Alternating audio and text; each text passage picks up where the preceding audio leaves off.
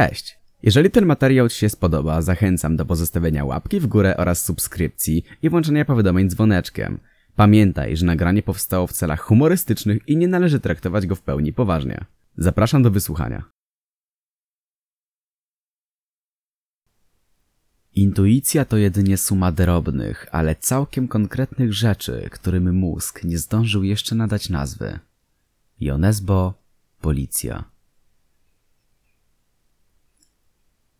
Gdy tylko dotarłem do domu, postanowiłem poczekać na telefon od lekarza, czy kobieta, którą znaleźliśmy w podziemiach szpitala, jest już zdolna do rozmowy. Jej stan był tragiczny, co widzieliśmy podczas akcji, więc wiedziałem, że będziemy musieli czekać, by móc z nią porozmawiać. Wiedziałem, że informacje, które posiada, mogą nam bardzo pomóc w śledztwie, ale jedyne co mogłem teraz zrobić, to cierpliwie dać jej dojść do siebie.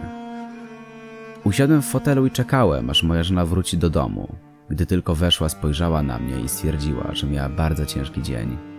Zapytałem ją, czy ma ochotę gdzieś wyjść. Stwierdziłem, że muszę jej wynagrodzić cały ten czas, gdy zajmowałem się śledztwem, więc zabrałem ją do kina i restauracji. Ten dzień, ten wieczór, ta noc, to wszystko miało być nasze. Oboje więc zaczęliśmy się szykować i wyszliśmy. Po drodze próbowaliśmy się dogadać, na jaki film pójdziemy. Pierwszy raz od dawna tak dobrze mi się rozmawiało z moją własną żoną. Dotarliśmy do kina, wzięliśmy popcorn, naczosy, kole, szelki, wszystko co tylko chciała. Film był fantastyczny, lecz w połowie seansu poczułem, że muszę iść do toalety. Było tak śmiesznie, że bałem się, że nie dam rady dotrzymać do końca filmu. Wyszedłem więc z sali i poszedłem w kierunku łazienki. Na korytarzu zauważyłem ją, zjawę. W pierwszej chwili zamarłem. Uznałem też, że człowiek nie jest w stanie zniknąć w sekundę, więc kobietę, którą widziałem przy drodze 17 października, nazwałem zjawą. Ciągle nie dawała mi spokoju myśl, kim ona jest i czego ona w ogóle ode mnie chce.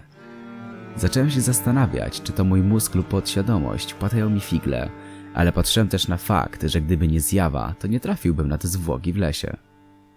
Wróciłem na salę i usiadłem w fotelu, lecz przez resztę seansu nie mogłem się skupić. Patrzyłem tylko na moją żonę, a ta co chwilę się śmiała. Uznaliśmy, że przez stres ostatnich dni wybierzemy się na komedię, by trochę odreagować i wyluzować negatywne emocje.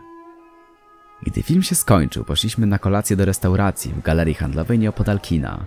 Starając się skupić na mojej żonie i czasie z nią, zacząłem przypominać sobie wszystkie wspólne chwile. Kłótnie, seks, poranki, wieczory, wspólne śniadania i noce. Wreszcie podszedł do nas kelner, by przyjąć zamówienie.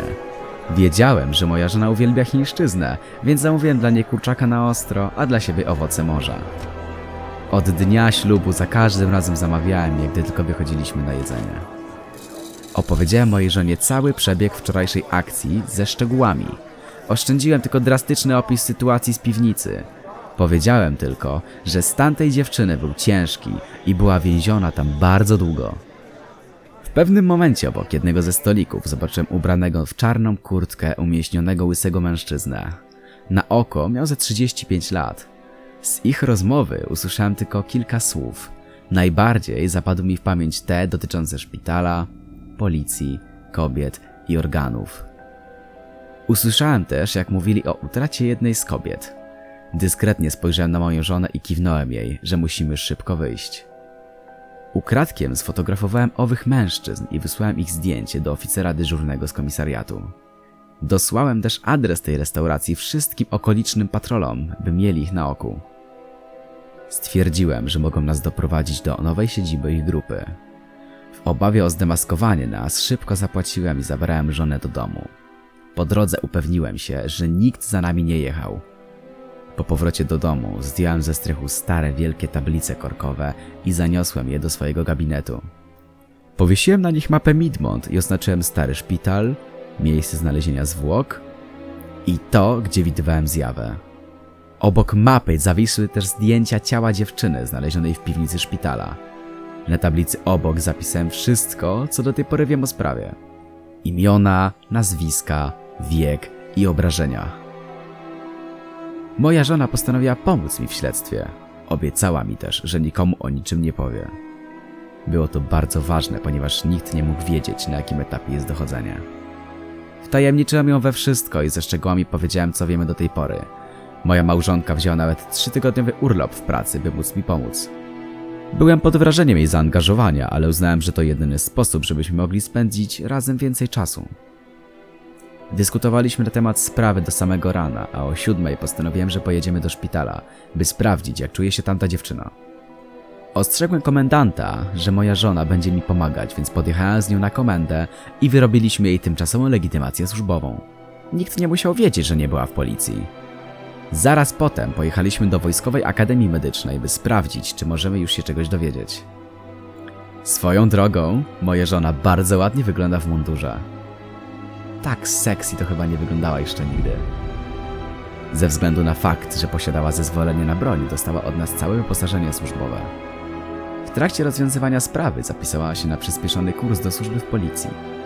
Postanowiła, że będziemy pracować razem, by uratować nasz związek i być razem szczęśliwi. Gdy mi to powiedziała, poleciała mi łza z oka. Została policjantką tylko po to, by być bliżej mnie. Miałem teraz dowód na to, jak bardzo mnie kocha. Po wejściu na oddział spojrzeli na nas moi koledzy i zdziwieni obecnością mojej żony w mundurze zaczęli pytać o co chodzi. Wyjaśniłem im, że od dziś pracuje z nami moja żona, a sprawa jest dla niej szkoleniem. Szybko poszliśmy do ordynatora oddziału i, i zapytaliśmy go, czy możemy już porozmawiać z tamtą dziewczyną. Odpowiedział nam, że może być to bardzo trudne, bo ona nie ma języka. Został on drastycznie wyrwany, bez żadnego znieczulenia. Przeszły mi ciarki po plecach, ale pokazałem mu, że mamy kartkę i długopis, więc będzie mogła nam zapisać swoje zeznania. Odpowiedział, że w takim razie nie ma problemu i możemy do niej wejść. Idąc przez korytarz, moja żona cały czas trzęsła się ze strachu, ponieważ pamiętała moje opowieści, jak wyglądała tamta dziewczyna i w jakim stanie ją znaleźliśmy. Czułem, że bardzo się boi, lecz uspokoiłem ją i powiedziałem, że mogę wejść sam. Ta stwierdziła, że chce wejść ze mną. Jej sala była na samym końcu korytarza, odizolowana od reszty oddziału, a w jej drzwiach stało czterech funkcjonariuszy z oddziałów specjalnych. Gdy weszliśmy do jej pokoju, byliśmy zszokowani. Panował tam półmrok, a atmosfera była tak straszna, jak w miejscu, w którym ją znaleźliśmy. Jej oczy były zabandażowane, gdyż metalowy hełm, w którym ją znaleźliśmy, przywarł do jej ciała. Ten fakt znacznie utrudnił zbieranie zeznań, lecz dziewczyna była bardzo chętna, by pomóc nam w odnalezieniu sprawcy. Dowiedzieliśmy się, że porwali oni około 50 kobiet. Część z nich została sprzedana na organy, inne do agencji towarzyskich, a 10 z nich jest przetrzymywanych w jakimś starym magazynie. Niestety nie potrafiła odpowiedzieć nam, gdzie znajduje się owy magazyn. Wiedziała tylko, że jest on w promieniu 100 km od starego szpitala. Tylko tyle udało jej się zapamiętać z rozmów porywaczy. Wiedzieliśmy już, że sprawa jest poważna i będziemy potrzebowali jeszcze więcej ludzi. Nie chcąc już dłużej męczyć Heleny, bo tak na imię miała znaleziona przez nas dziewczyna, pojechaliśmy na komendę, by przeanalizować zeznania. Następnie zadzwoniłem do teściów, czy możemy na dwa tygodnie zostawić u nich syna. Dla dobra śledztwa i większo większości naszego czasu postanowiliśmy, że tak będzie lepiej. Opisałem im całą sytuację, a ci zgodzili się bez dwóch zdań. Pojechaliśmy z żoną odwieźć go do jej rodziców i szybko wróciliśmy do domu, by zastanowić się co dalej. Zaprosiłem też do mojego domu wszystkich współpracowników naszego wydziału. Gdy siedzieliśmy w salonie, kątem oka zauważyłem w ogrodzie jakichś mężczyzn. Krzyknąłem szybko, padnij! A ci zaczęli ostrzeliwać nasz dom. Cały czas w głowie miałem moją żonę, to gdzie ona jest i czy wszystko jest w porządku. Kule świstały nam koło głów, lecz nie mogliśmy się podnieść z podłogi. Kazałem moim ludziom nie podnosić się i nie ruszać, tylko leżeć na podłodze nieruchomo. Sam cząkałem się od człowieka do człowieka, pytając, czy potrzebują pomocy. Ze schowka za kanapą wyciągnąłem karabin i zacząłem strzelać w kierunku atakujących nas ludzi. Przez ogromną ilość dymu, latających pocisków i łusek nie byłem w stanie ich dostrzec. Strzelałem na ślepo. Czułem się, jakbym był na jakiejś wojnie. Strzały, okrzyki, ciągłe ryzyko śmierci. Obrazy niczym z bitwy na śmierć i życie. Cieszyłem się, że wysłałem syna do teściów, bo dzięki temu nic mu się nie stało. On nawet nie wiedziałby, jak ma się zachować w tak dramatycznej sytuacji. Po kilkunastominutowej wymianie ognia nastała cisza. To nie była taka zwykła cisza. To była taka cisza, jaką mogłem usłyszeć tylko nocą, gdy zgasimy wszystkie światła i położymy się do łóżka. To była taka głucha cisza, pusty dźwięk, który zwiastował najgorsze.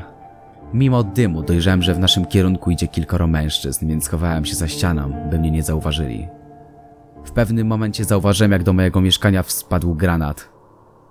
Szybko złapałem go i odrzuciłem go w ich kierunku. Usłyszałem tylko wybuch.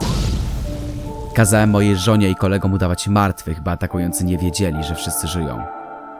Razem z moim przyjacielem, który stał z drugiej strony pokoju, również z karabinem, zaczęliśmy celować do tych mężczyzn. Było ich pięciu, z czego dwóch zastrzeliliśmy po przekroczeniu progu okien. Trzech z nich poddało się, klęknęli na podłodze i odłożyli broń. Wiedzieli, że nie dadzą nam rady. Reszta mojej załogi wstała, a razem z moimi ludźmi skuliśmy ich ręce kajdankami i wezwaliśmy wsparcie. Szybko pobiegłem w kierunku mojej żony, by sprawdzić, czy jest już bezpieczna. Przyznała, że była przerażona. Widziałem, jak jej ręce trzęsły się, a z oczu leciały łzy. Mocno ją przytuliłem i powiedziałem, że już nie musi się bać, bo jestem przy niej. Radiowozy wspierające i oddział specjalny przyjechał bardzo szybko. Napastnicy zostali zaaresztowani i pod eskortą odwiezieni do aresztu. Rano mieli zostać przesłuchani, gdy tylko dojedziemy na komendę. Razem z żoną postanowiliśmy przenocować w policyjnym hotelu. Dostaliśmy pokój na tak długo, jak tylko będzie nam to potrzebne, więc nie musieliśmy się martwić o lokum.